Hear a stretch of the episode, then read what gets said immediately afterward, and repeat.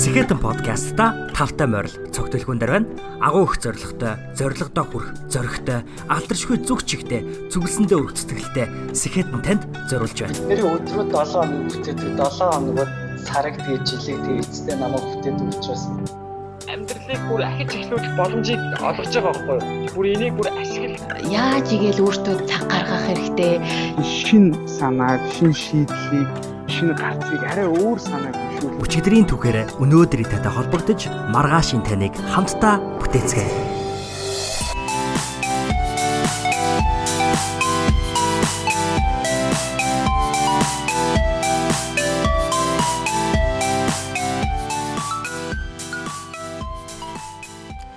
Дэрэгдэх нөхрөөсөө илүү дээд гоц год байна гэдэгт гоё сайхан зүйл байхгүй. Харин жинхэнэ сайн сайхан өөрийн хуучин байснаасаа дээр байхад оршдгоо гэж Ernest Hemingway хэлсэн байдаг. Гэрээгээ Creative Solutions компани үйл ажиллагаа хариуцсан захирал Garrett Wilson бол энэ 7 хоногийн дугаарын эрхэм зочин. Wagner As Automotive компанийн гүйцэтгэх захирал байснаар нь бид түүнийг сайн мэднэ.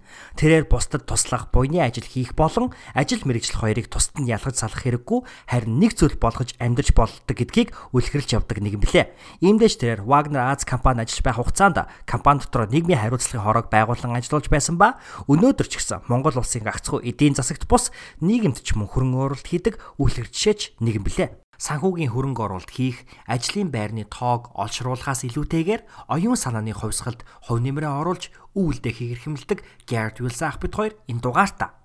Байгаль дэлхийтэйгээ ойрхон амьдрах нь бясалгал болдог тухай. Эко амьдралын хэм маяг, минималист амьдралын хэм маяг, тэдгээрийн хувийн амьдралд өгөх ач холбогдол, түүний 20 жилийн туршид хэвшүүлсэн өглөөний дадал зуршлууд, уралдааны гараа мэд өглөөг эхлүүлэх тухай, яагаад электронны төхөөрөмжлөр бус цаасан дээр амьдралын зорилгоудаа болон тухайн өдрөө төлөвлөх нь илүү ашигтай болох оюутан сурагчид гагцгүй дүн үзүүлэлт дээр анхаарахаас илүүтэйгээр харилцааны соёл урлагт анхаарлаа хандуулах хэрэгтэй шалтгаан бусдаас авч залгуулж амьдрах бус бусдад өгч амьдралыг бүтээж амьдрах тухай түүний хүндэлж биширдэг Монголын баялаг бүтээгчид болон эрхмүүдийн тухай гих мэтчлэн мөн нэгэн чухал сэдвийн тухай ярьсан байгаа. Тэр сэдвэнд юу вэ гэхээр энэ 7 хоног бол Мартин 8 буюу олон улсын эмэгтэйчүүдийн эрхийг хамгаалах баярын өдөр тохиож буй ийм амралтын өдрүүд өнгөрч байгаа. Тэгэхээр яг энэ өдрүүдэд зориулсан юм уу гэлтэй яриаг бит хоёр хийсэн нь илүү олон залуус ирчүүд маань джентльмен болоосай. Мөн энэ джентльмен байх шалгуурыг эмэгтэйчүүд маань залуучуудаа илүү их тавиасаа гэсэн сэдвийн хүрээнд ярилцсан билээ. Ингээд хэдүүлээ эдгээр болон бусад гайхалтай сэдвүүдийн хүрээнд ярилцсан Garrett ахтай энэхүү дугаарлууга үсэрцгээе.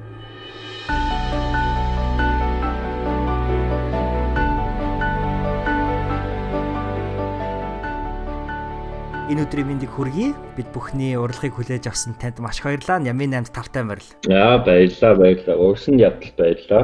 Тэгэлгүй яхаа. За подкаст маань ерөнхийдөө бол 7 хоног болгон гардаг учраас таны энэ 7 хоног ер нь хэрхэн өнгөрч байна гэж асуухыг хүсэж байна. Яг үнийг хэлэхэд би өөрийнх нь ажлын гүйцэтгэл жоохон сэтгэл дундуур байна л да. Ялангуяа өчиг дээр миний хувьд жоохон жоохон бүтээмжгүй юм уу? Би миний чид миний залхуу хүүрэл тэгээд хөвсөн ажид ажид хандлагатай анхаарал тавьж чадаагүй. Тийм учраас би за энэ 7 хоногийн хамгийн сүүлийн өдөр буюу 5 дахь өдрийг би аль болохоор бүтээмжтэй ажиллаж тэгээд хийж чадаагүй ажлыг нөхөж хийж амжуулахыг бодъё. Би таныг инстаграм дээр дагдаг л да. Та тэгээ ойрын үед багхан аялж жагаад ирсэн үү гадаадаар? Ажлын шугамаар Германд нэг яваад ирсэн. Ааха. Одоо эргээд Монголд ирсэн байгаа. Ааха. Тэгэхээр магадгүй бас яг нөгөө цагийн зөрөөч гэдэг юм уу аяллаа тэрхүү ядаргаанаас болоод тиймэр байгаа ах гэж бодож байна. Та эдийг гэж бодож байна. Оо ер нь ер нь нэг химнэлд ордог л та тий. Ер нь өглөө бүрээ доосоор ажил руу ороод тэгээд ер нь тэр химнэлтийг таслах нь бас их нэг яг зарим хүмүүс бол сайн менеж хийж чаддаг би бол мэдхгүй нэг тэр хэвийг таслаад тэр хэмнэлтийг тааслах юм бол эргээд хэвэнд ороход бас жоохон хугацаа ордог байх. Аа. Таны ер нь бол ойрын үед тохиолдсон айгүй тийм дурсамжтай, хөвгчлөлтэй талархам үйл явдал юу байсан бэ? Талархам үйл явдал. Дурсамжтайгаас ярих юм бол өнгөрсөн сард миний хувьд амьдралд маш ховорхон тохиолддог нэг зүйл болсон. Юу вэ гэхээр би хөтлөгч Ануужингийн Монгол товчон нэвтрүүлэгэнд зочноор өргөдөж тэгээд түүний нэвтрүүлэгт оролцсон оролцсон. Тэгээд тэр нэвтрүүлэг олон нийтэд цаацагдаад миний хувьд бол маш том нийт төрхийн яриа юу энэ бол мэдээд зөвхөн яг түүний өмнө хийж байсан Монгол туулгадны нүг 100 эрхэн гэдэг нэвтрүүлэг шиг зөвхөн мэдээж Монгол нийгэмд асар их хувь нэмэр оруулсан асар их өндөр амжилтанд хүрсэн, ер нь хайрцангуй нас тоогдсон, урт э, амьдралын э, амьдралыг эргэж харсан байдлаар харуулсан тийм тийм нэвтрүүлэг хийдэг, тийм хүмүүсийг оролцуулдаг. Тэгээд би э, бод би өөрийгөө бодоход би хайрцангуй залуу тэгээд бусдыг бусад зочдыг бодвол тийм ч их тийм мундаг. Өндөр амжилтанд хүрсэн хүн гэж өөрийгөө тооцдог болохоор Нагд бол э, маш сонирн байсан. Гэтэ э, бас э, талхаж явахгүй явахгүй байхын аргагүй би бол түүнд болон түүний студигийн түүний багийн хамт олонд үнэхээр их баярлаж авдаг намайг тэв нэвтрүүлгэнд оролцоод санал бодол чөлөөтэй ниногоо хуваалцсан явдалт нь үнэхээр миний хувьд бол асар их том боломж болно болон нэр төрийн хэрэг болсон тэр нэвтрүүлгийг бас би яг цагаан сарын үеэр үзсэн. Тэгээд яалтчгөө би өөрөө гадаад оронд байгаа учраас яг тэр тиймэрхүү одоо яг таны түрүүн хэлсэнчлэн Монгол толтны 100 эрхэм болон энэ Монгол товчныг үзэхээр яг эх орондоо очисон юм шиг сайхан санагддаг. Тэгээд баг шинэ онд үзсэн хамгийн анхны тийм сайхан нэвтрүүлэг бол таны нэвтрүүлэг байсан. Тэгээ тэр үед бол таныг яг тэр нэвтрүүлгээс үзээд таныг заавал подкастаа уурж оролцож ярилцах юмсан гэдэг очвол миний дотор бүр бадарсан байхгүй юу. Харин байрын үеэр тэв нэвтрүүлгийг гаргах бас их нөлөөлсөн байх. Яг бол хүмүүс гэртээ ажил хичээл нь амарсан үед хүмүүсийг яг гэртээ байх үед нь олон нийтэд цаацгдах нь бас үзэгчдийн тоог бас их нэмэгдүүлэхэд нэг нөлөөлсөн байх. Их олон олон хүмүүс Аа. Тэгээ ерөнхийдөө бол маш их хүлээлт бас үүсгэсэн ч юм уу тийм санагдсан. Тэгээд би таныг яг энэ тухай ярьсан учраас би бас нэг зүйлийг асуумаар санагдлаа л да. Тэр нь юу гэхээр тэр нэвтрүүлгийн найруулагчийн маань зориг болохоро зүгээр би багадгүй буруу харжсан байж магадгүй. Гэтэ таныг ерөнхийдөө бол Марко Полотой их төстэй адилтгаж найруулсан юм шиг санагдсан. Тань тгээ санагдсан уу? Дундор тэр эртний тэр Марко Пологийн түүхээс дундор нь 2 3 жижиг нэг хэсгээ оруулсан л да. Энэ бол магадгүй Аа. Яг өөрийгөө тийм бүр бүр мундаг Марко Пологийн түүхтэй холбож ярихад бол жоохон эвгүй байлаа. Гэхдээ мэдээж олон улсын харилцаа тий ер нь тэр тусмаа ер нь Монгол улсын тэр олон улсын харилцаа бол жоохон юу нэг хэсэг жоохон Монголын газар зүйн Монголын байршлаас байшлийн онцлогоос болоод маш их тусгаарлаг тусгаарлагдсан гэж хэлж болно тий. Далайн гарц бомбд байхгүй хайрцангуй нэг хурж очиход хайрцангуй бэрхшээлтэй байдаг л да тий нэг далайгаас хооллохоор болно маш их тийм хатуу уур амьсгалын одоо тийм онцлогтой газар Монголд амьдардаг учраас олон 100 100 жил тэр соёл тэр хэл бүх юм одоо бусад нийгэм бас маш их тусгаарлагдсан байдаг. Тийм ч гэсэн яг түүхэнд хэдэн олон улсын харилцааны хэдэн маш бахармаар маш мундаг жишээнүүд байдаг. Дээр үн дипломат, дээр үн нэг гадаад явдлын гадаад явдлыг харилцсан сайд нар бол Монгол нийгмийг Монгол Монгол улсыг төлөөлн бусад орны өдөртөгчтэй уулзсан маш мундаг тийм жишээнүүд байдаг. Мэдээж баг 8 хэдэн зуун жилийн өмнө 700 800 жилийн өмнө Европын соёл Европын нийгэмс гаралтай. Тэр Марко Поло Аз бүсийг ялангуяа Монголыг нэг зорин ирээд тэгээд өөрийнх нь соёлоос хуваалцаж болно. Монгол соёлд бүр шингэсэн шингэж чадсан нэг тод жишээ болсон л да. Тэг мэдээж түүний түүх одоо магадгүй бидний орчин амьдралд бас нөлөөлсөн одоо хадгалан авч үлдсэн юм байгаа байх гэж би байна. Тэгээд яг мэдээж миний түүх одоо дөнгөж одоо бичиг бичигдэж эхэлж байгаа юм чинь мэдээж 100 жилийн дараа намайг ярьсаар байх уугүй мэдээж юу л бол? Гэхдээ л аль болохоор эргээр нөлөөлөх хичээ аль болохоор өөрийнх нь өв бүтээж өөрийнх нь хувь нэмэр өөрийнх нь чадхаараа нийгэмд хөгжүүлэхийг хөгжүүлэхэд туслахыг бодъё гэж бодож байна. Би бас яагаад яг энийг асуусан бэ гэхээр Марко Поло Монголд одоо хувлын хааны гэдэг чинь ерөнхийдөө Юан гүрний дунд байжгаад эргэж ирэхдээ ер нь Европ дорнд ерөн дахинаар ном бүтээлээ ерөнхийдөө бол гаргаад тэгээ монголчуудыг таниулсан байдаг шээ тий. Тэгэхээр магадгүй таны дотор бас тийм одоо ирмэлцэл байдаг болов эргээгээд барууныханд Монголыг таниулах тийм ном бүтээл гаргах ч юм уу тиймэрхүү хүсэл байдаг болов. Би бол ямар ч тийм э, эрдэмтэн биш ямар ч яг ном бичихин хэмжээний тийм тоорчлог мэдлэг э, бол байхгүй. Мэдээж мэдээж миний маш том хүсэл мөрөөдөл бол би миний одоо энэ энэ нийгэмд орж болох хамгийн том хувь нэмэр миний бодлоор бол хөрөнгө оруулахаас илүү ажлын байруудаар хангахаас илүү оюун санааны хувьсгалт тий оюун санааны одоо ийм хувьсгалт хувь нэмэр орж тий. Хүмүүсийг арай өөр өөр сэтгэн бодож тий. Хүмүүс илүү нээлттэй оюун ухаан илүү төвчээртэй илүү энерж хайрлах тийм сэтгэлтэй юм уу?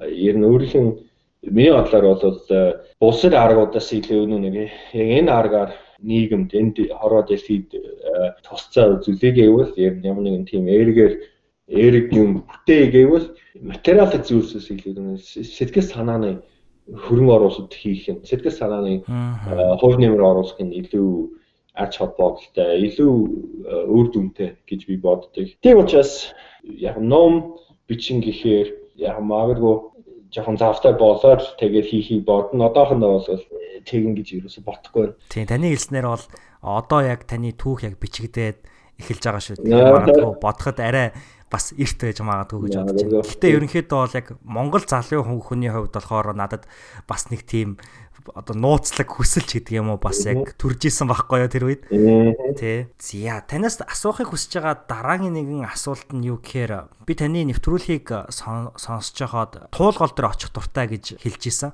Тэгээд тэр нь болохоор надад их төстэй санагдсан л да. Би бас яг 18 наснда Америкт анх ирээд Тэгээд манай Миннесота мууч чинь нөгөө Миссисипи мөрөн эхэлдэг, яг эхлэн нэдэг. Тэгээд Миссисипи дээр би очиж их ярддаг, тэг хүслээ шивндэг. Ерөнхийдөө бол баг их орон маань хэдий биш ч гэсэндээ нөгөө байгаль их дэлхий гэдэг утгаар нь ерөнхийдөө бол Миссисипи гэдэг энэ мөрөнд бол залбирдаг байсан. Тэгээд та түнтэй адилхан та яг туулголтой ерөнхийдөө очиж очихороо ярддаг уу? Туулголтой. Би маш их тийм бодрогшингуу гүн бодолд авддаг хүн. Миний тарих бол байнга л ер нь э, ажиллаж байдаг. Тэгвэл үйдсэн тэгвэл үйд суулсан үе бол байхгүй. Э, би байнга л ер нь юм бодож сууж байдаг.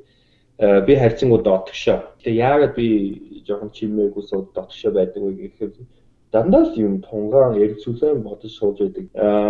Хэрэг ямар ч тийм анхаарал тийм саатааруулах зүйлсээс өөрийгөө тусгаарлаж тэгээд байгалийн байгальтаас авдаг эрч хүчийг мэдэрч тэ хотын дуу чимээ юм уу тэр мухай үнээр юм уу ута тэр тэр бүхнээс жоохон тусгаарлаад э, байгаль байгалийн дунд сууж сайхан бясалгал хийж чаддаг юм бол миний бодлоор тарихны үйл ажиллагаа тарихны тарих бол улам илүү хүчин чадал нь арай өндөр юм болов гэж би боддог. Тийм учраас үе үе бийдэж хотос гараад бүр хотос гарахгүй гэсэн ядаж туулгаалan яриг дээр ч юм уу тийм тайван намуун тийм гадад тийм орчинд очоод яг өөрийн хэлбрээр нэг бясалгал хийдэг ч юм уу эсвэл тийм тунган бод тийм тариха цэнэглэх тийм цаг өөртөө гарах дуртай. Тэгээд тэгээд туухай бол хамгийн тохиромжтой бас ойрхон тий ойрхон гад. Тэгэхээр туулгол бол одоо намайг яг Улаанбаатар хотод байхад ч юм уу яг ингээд хамгийн түрүүнд очиж яг таны хэлж байгаагаар бясалгах орон зай гэж юусоо би харж байгаагүй. Тэгэхээр та бас яг тэр одоо ондоо өнцгөөс харж байгаа надад маш их сонирхолтой санагдаж байна. Тэгээ манай бас нэг уламжлал болсон асуулт байдгийн тэр нь юу гэхээр таны амьдралд ерөнхийдөө сүүлийн үед хамгийн их өөрчлөлт авчирсан тийм контент юу вэ гэж. Контент дөө. Би өөрөө би өөрөө яг контент бүтээгч бол биш гэж боддیں۔ Аа би яг тийм нэг уран бүтээгч бүтээлч ч юм уу урлагийн хүн бол биш. Гэхдээ миний гаргадаг контент бол би ярил дуртай.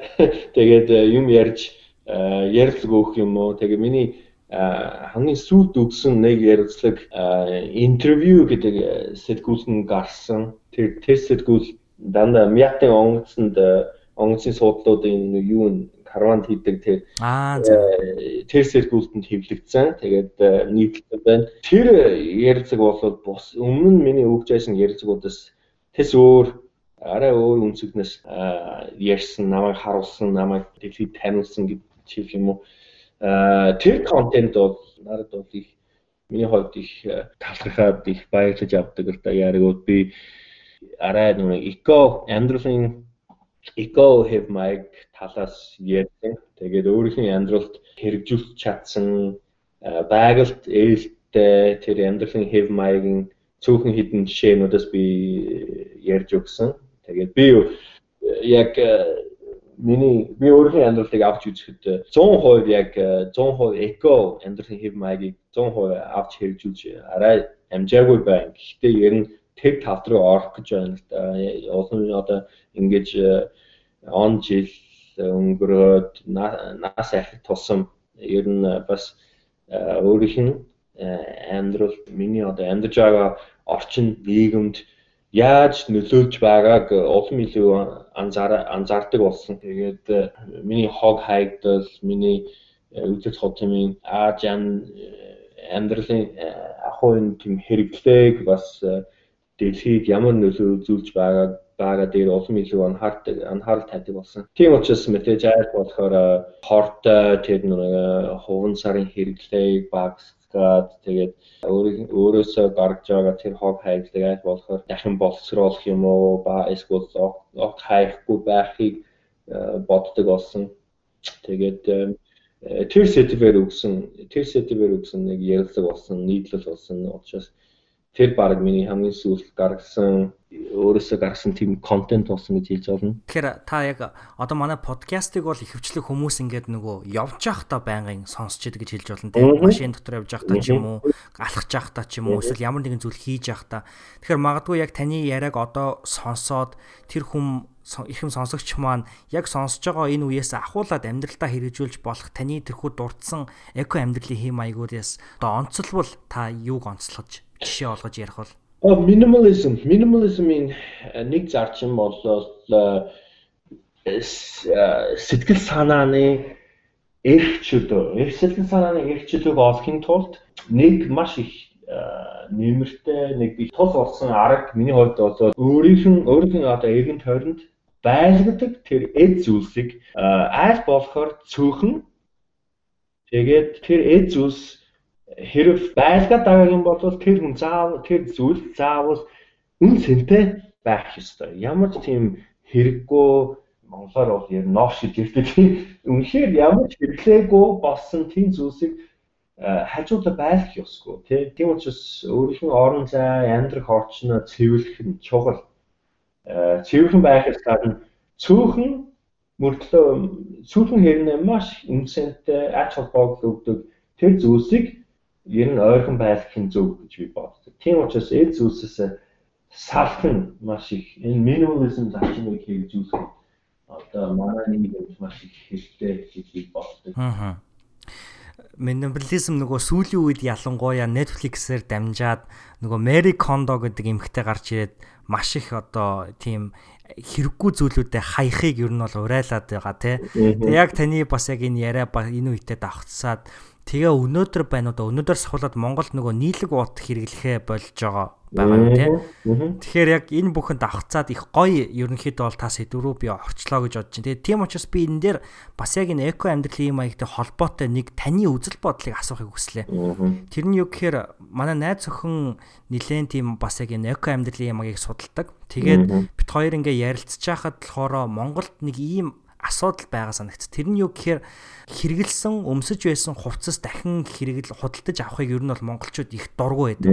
Тэгээд тэр нь болохоор тийм брэндчлэлийн бас асуудалтай юм шиг санагдсан л да. Ягаад тэгэхээр тэрийг комиссийн бараа гэж нэрлэдэг тий. Тэгээд ингээд нэг тийм хүмүүс айгу дургу. Гэтэл ингээ Америкт болохоор thrift store гэж яддаг шүү те хүмүүс айгүй их орж хувцас авдаг. Ер нь бол айгүй энгийн үзэгдэл. Гэтэл Монгол тийм биш. Та энэ дээр юу гэж бодсон бэ? Таны ажиглал. Би би анх баг 20 21 жилийн өмнө анх Монголд ирэхэд тэгэж анзаарсан. Яг бол би тухайн үед би нэг энэ олон улсын энерлийн байгууллагад хүмүүнлэн ажлын зорилгоор Монголд ирж хүмүүнлэг төслийг хөгжүүлж байсан. Тэгээд мэдээж айл болохоор бид нэр айл болохоор ядууст туслахаар зөргийн ажилладаг байсан. Тэгээд э, тэр ажлын хүрээнд заримдаа Америкаас Монголд э, авчирсан хандив хувцас хуунрыг хэрэгцээтэй хүмүүстэнд тарааж өгдөг байсан.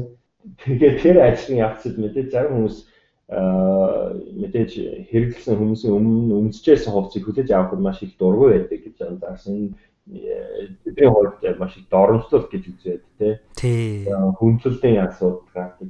Тэгээд энэ бол энэ соёлын энэ нийгмийн нэг онцлог. Яри бол яг чиний яг хэлсэнчлээ Америкт бол тийм бүр дэлгүүрүүд байдаг. Одоо хүмүүс ороод тэгээд жоохон нэг элэгдсэн байвал баг баг модонд орсон тий жоохон уранхай төгөө эсвэл эсвэл дээр үеийн 60 70 80-аад оны үеийн загвар одоо э, хэдэн жилийн дараа эргээд модонд ордог тий.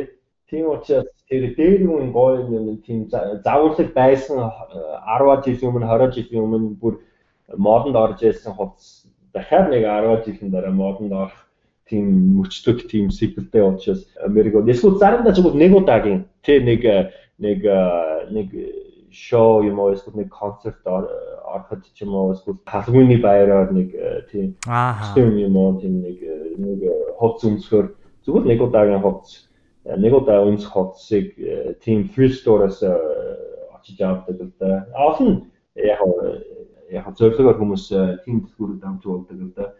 Мэдээж жоохон хэрэгцээтэй хүмүүсийг ярил те өмсөх хувцас те магадгүй хэцүү гаджигтай нөөцөд амьдарч байгаа юм бол тэр хүнд бэлэглэх тийм хандивлах өмсөх хувцас бол маш их тийм хэрэгцээтэй байж магадгүй. Гэхдээ тэр хүнийг тийм бэлэг өгөхөөр яг тэр хүнийг доромжж байгаа юм биш. Гэхдээ хүмүүс буруугаар ойлгоод доромжлол гэж хүлээж авахд мэдээж хайцааны асуудал гарна. За миний бодлоор бол би өөрөө жишээлбэл э, өөрийнх нь эд зүйлс э, илүүдэлтэй зүйлсээс салахад зүгээр хаяагүй. Би бол нэг алхамжийн газар би хандилж өгсөн. Тэгээд тэрэнд э, илүү гарсан хооцос зарим эд хогшил аж ахуйн бараа тэр тэр зүйлсээс би би өөрсөө өгөөд тэгээд тэр асамчин гадад өгөөд тэгээд тэгээд тэр асамчин газрын дарга нь өөрийн одоо нөгөө мэдэх одоо тийм хэрэгцээтэй хүмүүст ер нь тарааж өгсөн л доо. Тэгээ тэр хүмүүс ер нь миний сонсноор бол маш баяртай хүлээж авсан. Яг үнэхээр хэрэгтэй үнэхээр хэцүү асуудалтай тийм хэцүү байдалтай амьдарч байсан хүмүүс байсан учраас тэд нар бол баяртай хүлээж авсан. Гэтэ магадгүй зарим хүмүүс бас жоохон дургүй хүлээж авч магадгүй яг дооржлол гэж. Тий, ерөнхийдөө бол би бас өөрөө яг тийм зүйлүүдийг ер нь ажигласаар ирсэн. Тэгэхээр яхаа аргагүй санал нийлж байна. За бид нэгэнт хоёлаас амьдралын хэм маягийн талаар яриад явсан учраас таны сүүлийн тэрхүү ярилцлага дээр бас таны яриаг сонсч ирсэн чи та сүүлийн 20 гаруй жилийн хугацаанд өглөө олгон workout хийгээд буюу биеийн биеийн тамираар хичээллээд тэгээ усанд ороод өглөөний хоол идээд тэгээд ингээд ерөнхийдөө өдрийг эхлүүлдэгэ гэсэн байсан. Тэгээд яг ийм тогтсон хэв маягийг 20 жилийн хугацаанд өөртөө барина гэдэг бол айхтар тийм их гайхалтай тууштай чадвар байгаа. Тэгэхээр Та яаж ингэж ийм тууштай байж чаддсан бол? Яа, бүх юм дээр биш зарим зүйлэн дээр би ерөөсө хэвшүүлж чадаагүй. Миний хүсэж байгаа зарим зөв дадал зуршлуудыг би одоо хүртэл сайн хэвшүүлж чадаагүй. Амжилттай хэвшүүлж хэвшүүлж чадсан зарим зүйлсийг зүйлсийг дурчих юм бол би яг яг чиний хэлснээр бол өглөө бүр босоод би тийм эртэж хүн биш. Гэхдээ ажлын шаардлагаар болон ер нь бүтээлч хүний хувьд ер нь аль болохоор ихийг бүтээж хийхин тулд аль болохоор эль босч хичээдэг. Тэгээд эль босоо тэр нойрноос ирэхин тулд би суняадаг болсон. А бүр 13 14 наснаас хойш одоо бараг 20 хэдэн жил болж байна. 26 жил болж байна. Тэгээд өглөөс босоод хамгийн түрүүнд гадар дээр доош харж хөвдөө. Тэгээд тэгээд суняадаг. Одоо бол өшөө суулмууд хийгээд манайд бас нэг хаанан дээр нэг төрнийг зоосон байдаг. Төрнөгөөс бас жоохон сумны аваад тэгээд 3 4 төрлийн дасгал хийдэг өглөө усанд орохос өмнө. Тэгээд заримдаа би мэдээж жим фитнест орж амжихгүй ч гэсэн хэрэг гэрийн нөхцөлд тогтмол тэг өдөр бүр тэг маш их тийм тууштай өдөр бүр тийм дасгал хийж чадах юм бол ер нь биеийн хөгжил мүжил нэг их тийм гандан буурахгүй гэж би бас анзаарсан л да. Тэгээ заавал заавал фитнес юм уу заавал энэ би хөгжилттэй холбоод холбоод холбоотой байх албагүй хүн болгон өөрийн яг амьдралд хэрэгтэй гэж үзсэн тэр тэр хөвшил тэр зөв даад зуршлыг сонгон аваад хэрэгжүүлэх нь зүйтэй гэж би боддог. Магадгүй эрүүл хооллолт байж магадгүй те. Магадгүй өөрсдийнх нь оюун ухаан хөгжүүлээд ном унших байж болно те. Эсвэл нэг ариун цэвэр ариун цэвэртэй холбоотой нэг гэр орчноо илүү цэвэрхэн байх ч юм уу.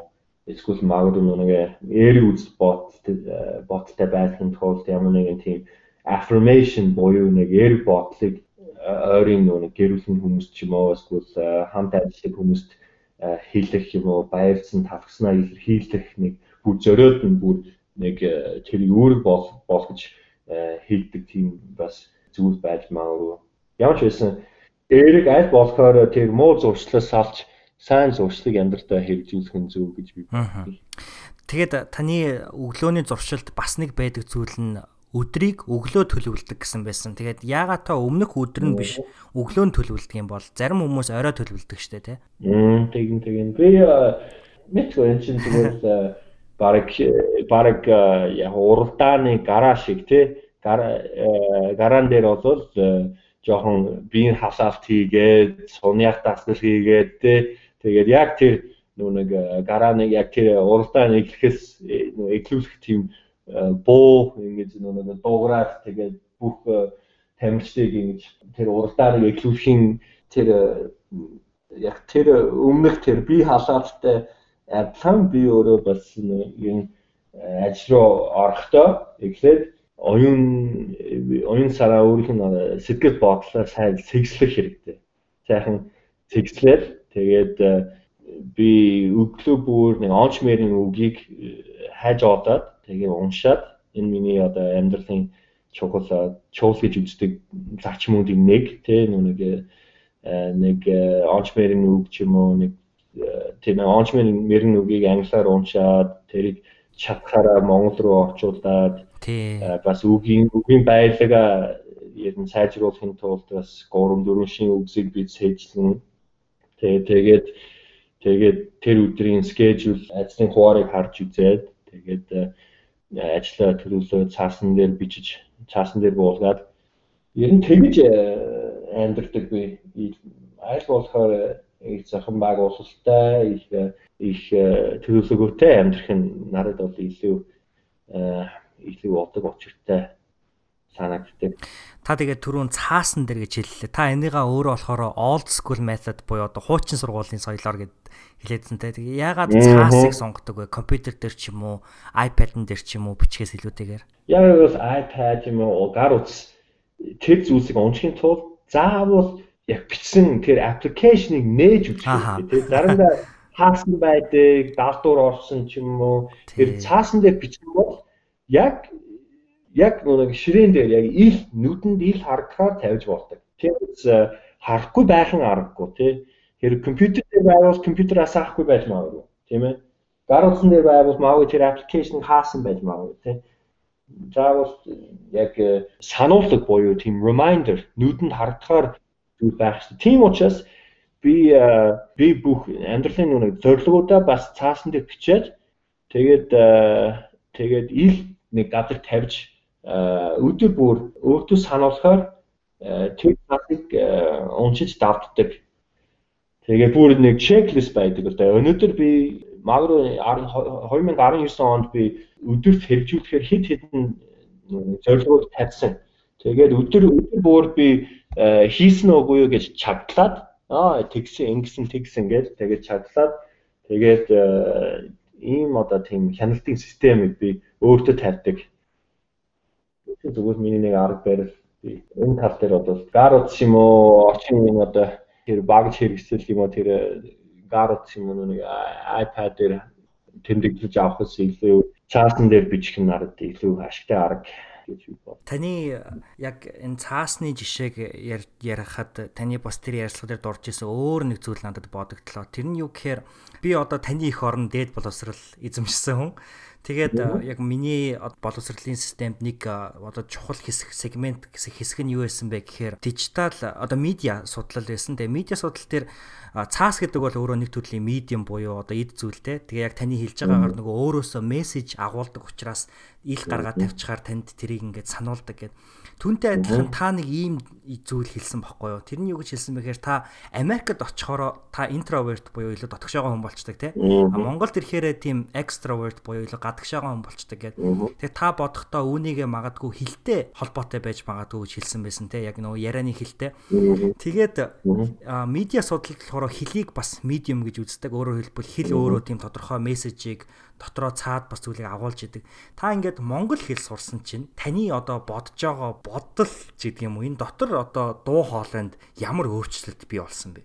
Аа тоолцгүй олон өөрчлөлтүүд бий болсон. Яг хэрэг шоугаар хариулах юм бол хэдийгээр би хайцсангуу зожиг дотгошоо байгаас хийсэн харилцааны соёл ямар чухал юм бэ гэж би олж сурсан амьдралаас. Бусдаас бүр хоол бусдаас бүр тусгаарлагдсан ганцаараа байхад сурсан байхад дуртай ч гэсэн энэ хороод нийгэмд амьдрахын тулд заавал бусадтай харьцдаг бусадтай заавал магадгүй тэр чинь хүний гэрийнх нь хүний гэр бүлийн гишүүдтэй харьц харьцаа байж болно. Мэдээж хамт ажилладаг хүмүүстэй харьц харьцаа байж болно. Магадгүй сургууль дээр хамт сурдаг ангийнхан багш нар харилцаа бол ер нь хүнийг ер нь амжилтанд хүрдэг хамгийн том шаардлага шалгуур гэж би сүулт ойлгож ухаарсан.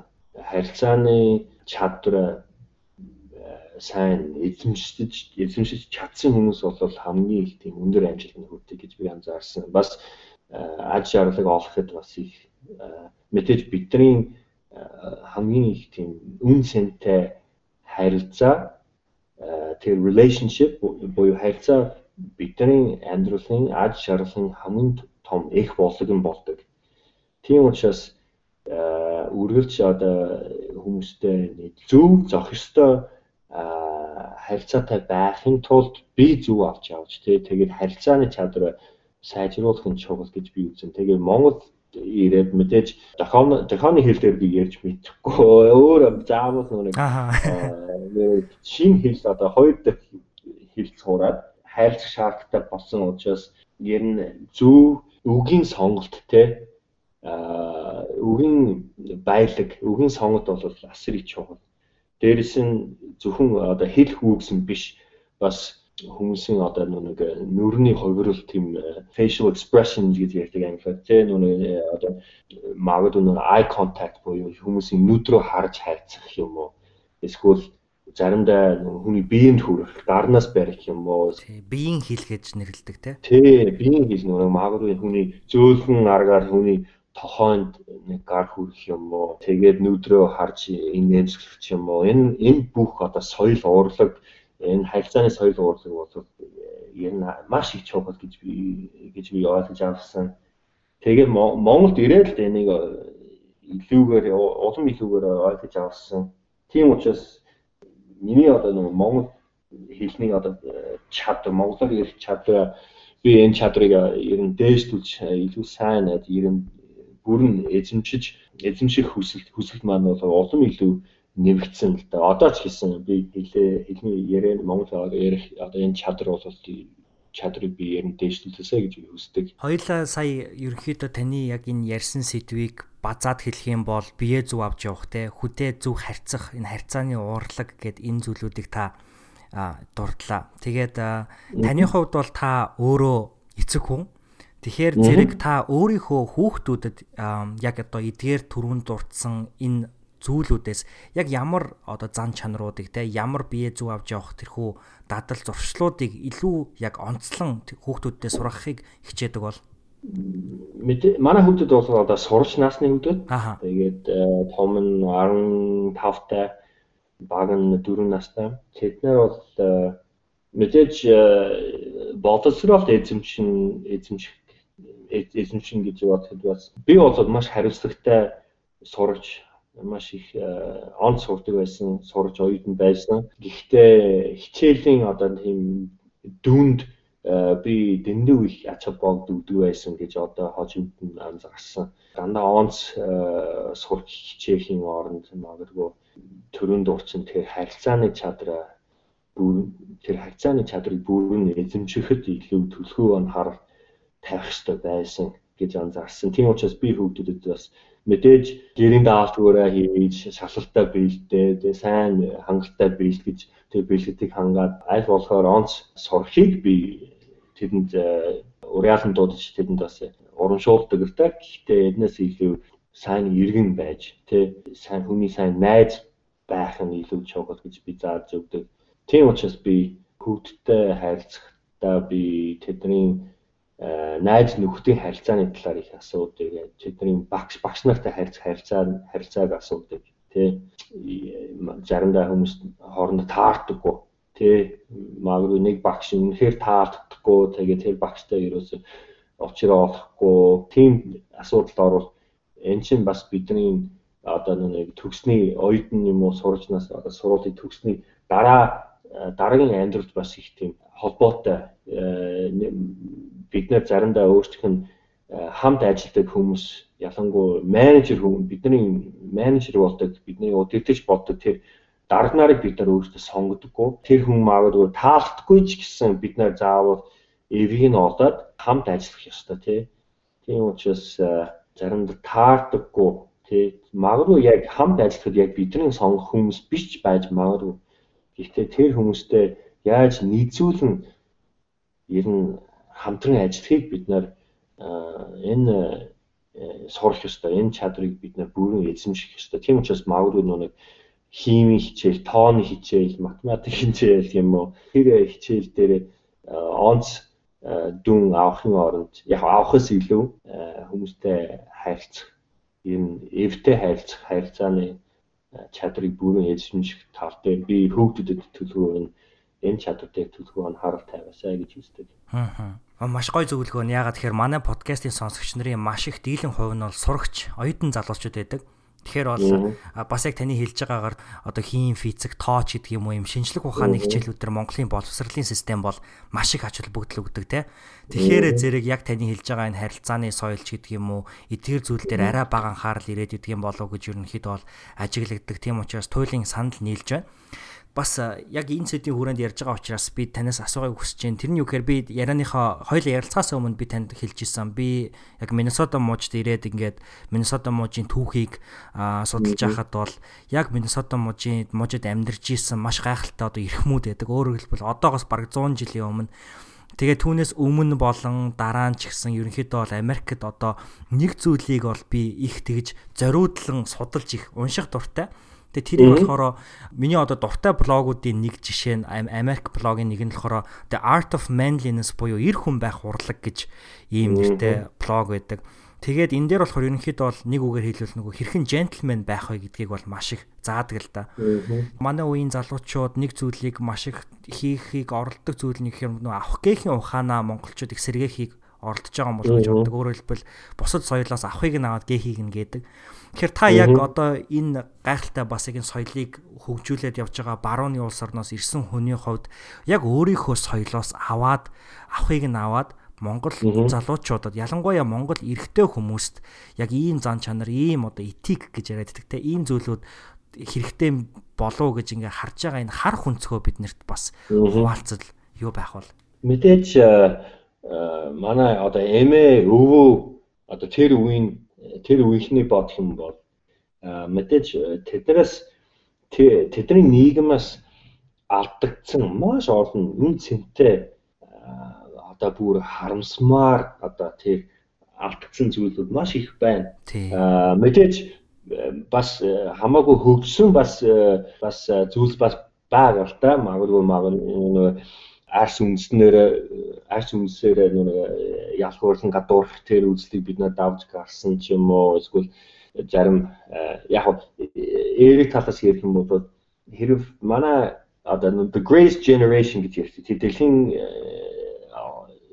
хоёрдугаар дайны үеийн одоо тэр baby boomers ч юм уу манай ээгөө эмээ өвөө насны хүмүүсийг ярьж байгаа тий.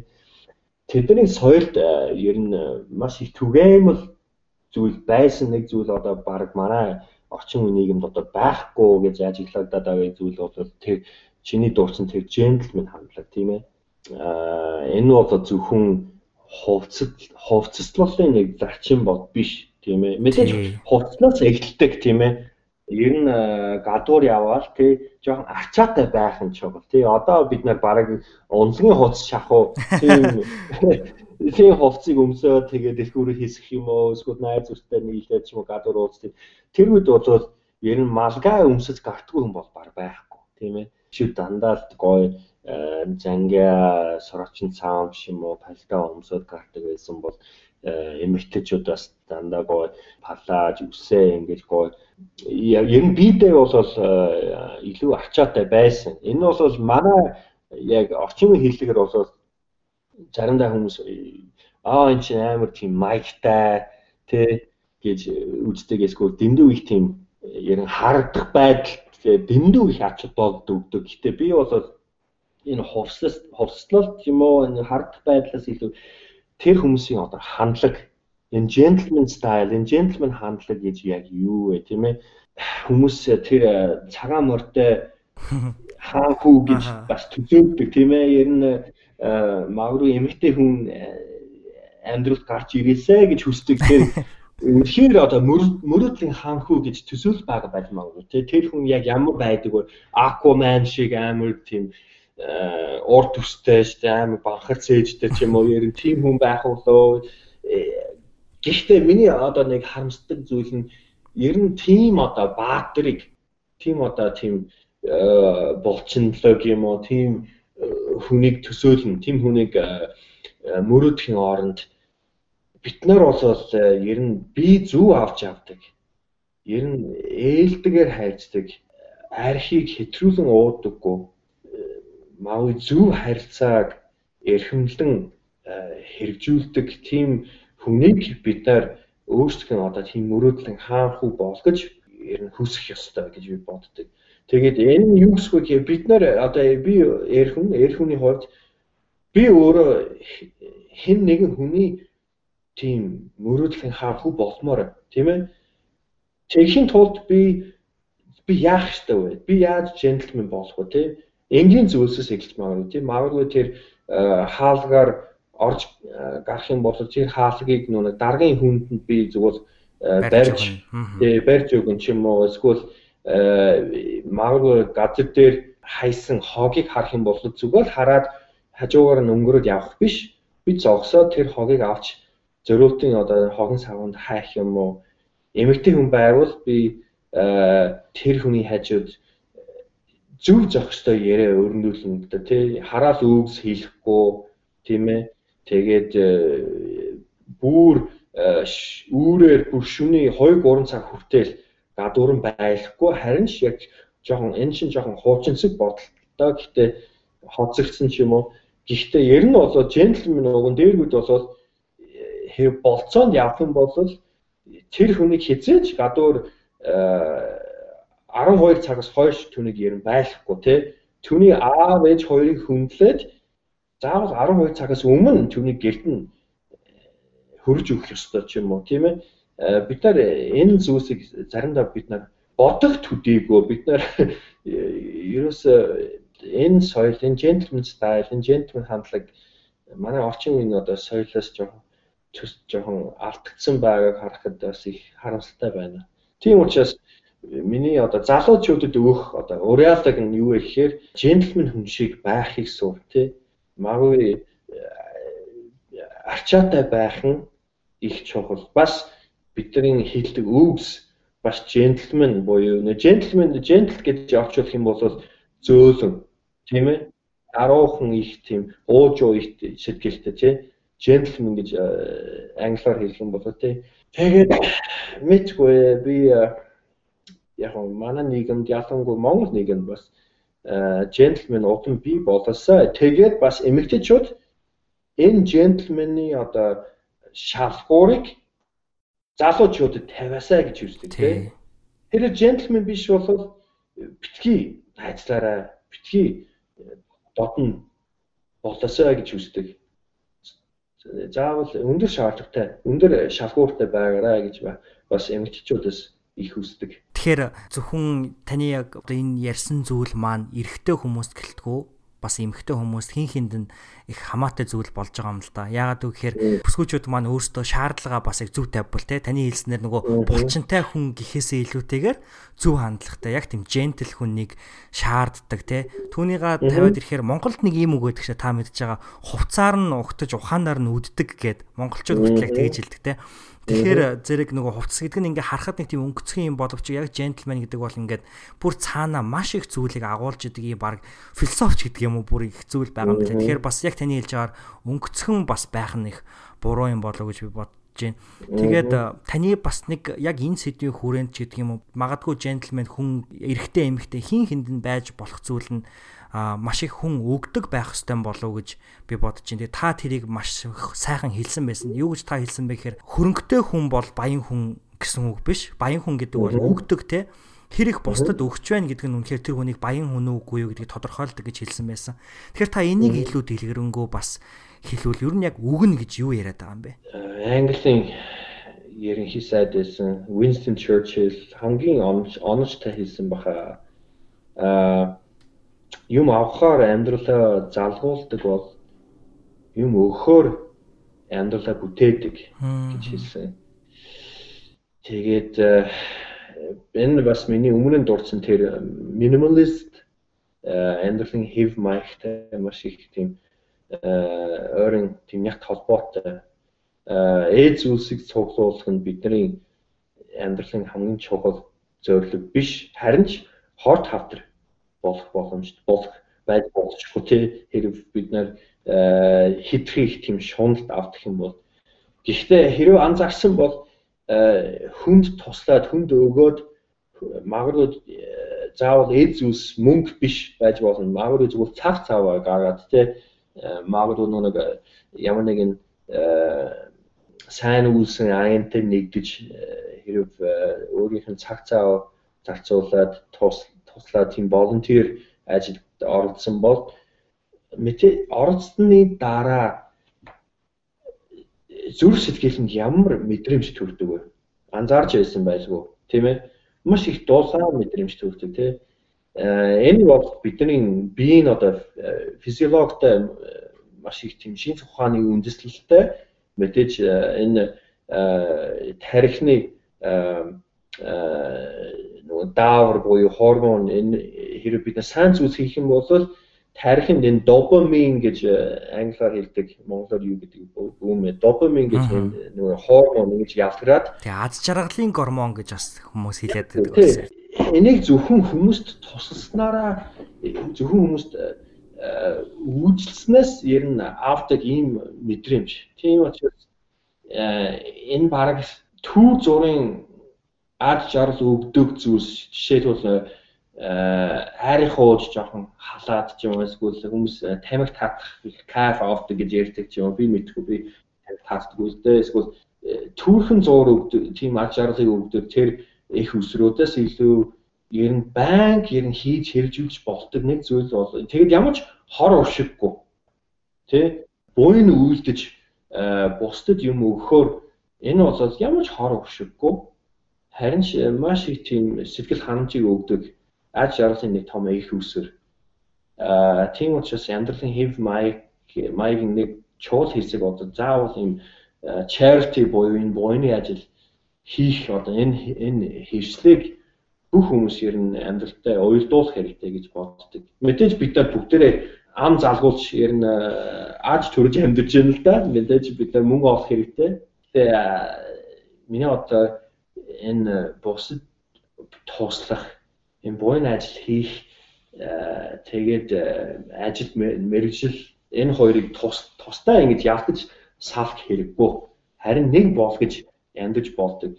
Ажил дээр ч гэсэн бид нар хүмүүст өгөөмөр хандлагаар хандаж явуулна тий. Мэдгүй энэ бол магадгүй миний э, шасан шүүдлэг бас нөлөөлсөн байгаа байж магадгүй. Манай аав ээж хоёрын бас нар зааж өгсөн хүмүүж хүмүүжтэй бас их холбоотой маш их тийм э, гаралтай байж магадгүй дээ. Таны үзэл бодол энэ дэр юу байгаа бол Монгол залуучууд гадаад лидерүүдийг их сонсдог. Тэгэхээр миний хувьд ч гэсэндээ гадаадын сонсдог, уншдаг, тийм шүтдэг гэж хэлж болох үлгэр л авдаг лидерүүд их олон байдаг. Тэгэхээр таны хувьд Монгол лидерүүдийн хувьд яг одоо амьд байгаад одоо энэ цаг үеийн лидерүүдийг та яг хэнийг Монгол хүнийг бас онцолж дагдаг вэ? Аа Монгол нийгэмд туулгамдж байгаа том асуудлуудын нэг бол аминж үзэл энэ аминж үзлээс болоод энэ авлагын асуудал их гараад байгаа. Тийм учраас шудраг бизнесмен миний хувьд бол хамгийн мунд хамгийн өвтөр дураал байж чадчихна. Аа мэдээж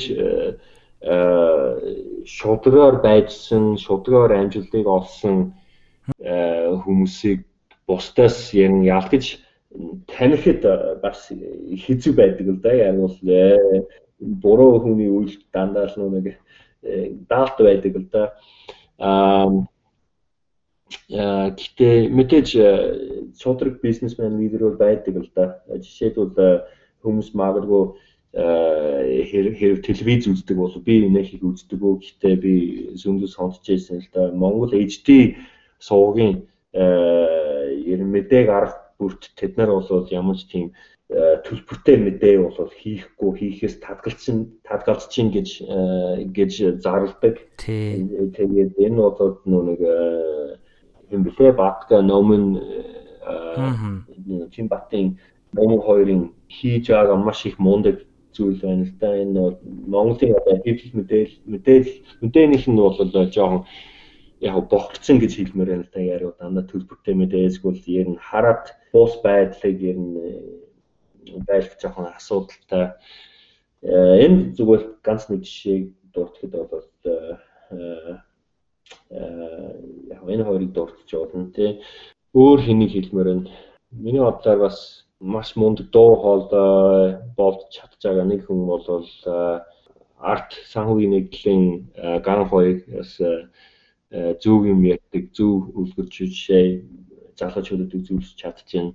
Э, мэдээж э, миний одоо байхгүй байна л да. Гэтэ одоо талигч болсон зориг зориг бол намайг анх Монголд ирэхэд Монголын арчлалыг бий болгоход маш их том хувь нэмэр оруулсан. Би өөрийнх нь ууган хүүдээ зориг гэж нэг нэр өгсөн яриул тэр зориг ах шиг маш зоригтой ер нь зүү шударгын төлөө тэмцдэг нэгэн байгаасаа гэж би хүүгээсээ хүсдэг. Тийм учраас тэр нэрийг сонгож өгсөн. Хит хитэн жишээнүүд байдаг. Тийм учраас үргэлж нэг хамгийн их муу хийж бүтээсэн хүмүүс дээр их нүүн их гомл гаргаад ч юм уу их бохомдод байх хэрэггүй. Харин зөв үлгэр дураал болж чадж байгаа тэр хүмүүсийг авч хараад яг жинхэнэ патриот гэж болгож үзэх үздэг болох хэрэгтэй гэж би боддог. Таныг нэг ярилцлаган дээр ингээд сэтгүүлч маань ингээд ярилцж хахад яагаад одоо энэ Garrett Wilson гэдэг хүмүүнийг монголчууд их одоо нэг үгээр хэлвэл их сонирхоод байдаг вэ гэхээр та ингэж хэлсэн байсан л та. Уул нь Монголд бол зөндөө гадаад хүмүүс байдаг. Тэгээ зөндөө олон нь маш сайн монголоор ярьдаг. Би яг юу намайг өөрийг нь онцгой болгоод идгийг мэдэхгүй байна гэдэг жисэн. Тэгээд би таныг ингээд бас нөгөө зочноор урсны хувьд судалж байхад сонсож байхад би зүгээр эцэст нь зүгээр хувь хүнийхээ хувьд юу гэж дүгнсэн бэ гэхээр та маш гүн санаа тавьдгийм байна гэж би бодсон. Монголын тухай Монголд маш их гүн санаа тавьдаг. Өөрийнхөө гэр бүлд их анхаарал тавьдаг. Түүнээс гадна мөн өөртөө их анхаарал тавьдаг буюу одоо өөрийгөө зөв хүн байхын төлөө их хичээдэг санагдсан. Тэгэхээр зориг агсныг та дурдлаа 98 онд зориг агсан бурхан болсон байдаг те. Тэгэхээр яг бурхан болсон жилдээ нонтой нь зэрэгцэж та хамгийн анх Монголд хөл тавьж исэн. Тэгэхээр бас Монголд яг энэ зоригтой байх, шудраг үнний төлөө байх энэ дуу хоолойг бас нэгэн өөр дуу хоолой болж та энд байгаад бол би монгол хүний хувьд маш их баярлж байна. Тэгээд та ч гэсэн өөрөө Salt Lake City гэдэг одоо нэг ийм хөндөй хотоос ирсэн те. Тэгэхээр Улаанбаатар хотыг алтан твшийн хөндөй гэж нэрлэдэг байсан юм байлээ. Тэгэхээр хөндийгөөс хөндөйд очиж бас тэр гайхалтай дуу хоолой нь олж агаад би танд маш их баярлаа гэж сүлд нийлмээр байна. Тэгээд тантай хүмүүс бас илүү цаашдаа яаж холбогдох уу, тантай хаана холбоо бариул их зүгээр бол. Аа мэдээж social media дээр би идэвхтэй идэвхтэй байна. Facebook, Instagram дээр э, намайг дагаж болно. Би айл болохоор хэрэг хүмүүс над руу мессеж бичих юм бол айл болохоор ирсэн мессеж болно. Би хариулах хичээдэг. Дандаа яг э, ирсэн ирсэн мессеж болгонд нь яг гэр дороо хариулах гэж э, байдаг үлдэг. Би айл болохоор хурдан хариулах хичээдэг гол нь заавал яг мессеж солилцох гэж биш. Харин магадгүй миний оруулдаг тэр контент тийм бодол санааг бас аваад өөрт нь хэрэг болж магадгүй гэж гэж ер нь бодоод би тавьдаг аль болохоор эрэг сөрөг биш эрэг контент оруулах хичээдэг. Заримдаа энэ сөрөг мэдээлэлээс энэ сөрөг мэдээллийн байнта тэмцэх хэрэгтэй гэж би боддог. Тийм учраас би сөрөг биш айлхуулах эрэг пост оруулах хичээдэг. За энэ хүргээ тэгвэл хоёлаа яриагаа ер нь өндөрлүүлээ гэж бодож байна. Тэгээд өнөөдөр надтай ярилцсанд өөрийнхөө их үнцэнтэй цагийг зарцуулсанд маш их баярлалаа. Тэгээ манай сонсогч нар та үнэхээр их үнцэн өглөө танд маш их баярлалаа. Зүгээр зүгээр оролцуулсан баярлалаа. Энэ бас маш их үр дүнтэй яриа гэж би үзэж байна. Бас нэр төрийн хэрэг баярлалаа. Баярлалаа маш ихээр. Энэ хүрээд Нями 8 маань 66 дугаар дугаар өндөрлөж байна. Garrett Wills ахтай энэ хүү ярилцсан дугаар танд маш их таалагдсан гэхэд би итгэлтэй байна. Хэрэв тийм бол Garrett ахад баярлаа гэж хэлэхэд битгий мартаарай. Үүнийг хийх хамгийн энгийн бөгөөд энэ хүү зочинтойгоо холбогдох хамгийн гоё арга бол та яг одоо энэ хүү подкастыг скриншот хийгээд Instagram story дээр оруулаад энэ удаагийн дугаарын хүндэт зочин Garrett ахыг меншн хийх буюу tag хийх юм байна. Тэгэхээр Garrett ахын хаяг юу вэ гэхээр Garrett Doggersworth Wilson. Үнийг бичгтээ G A R R E TT доогор зураас WILSON багма. За миний Instagram хаяг болохоор цогт бэлгүүн дээр намайг давхар меншн хийх буюу таг хийвэл би маш их баярлах болно.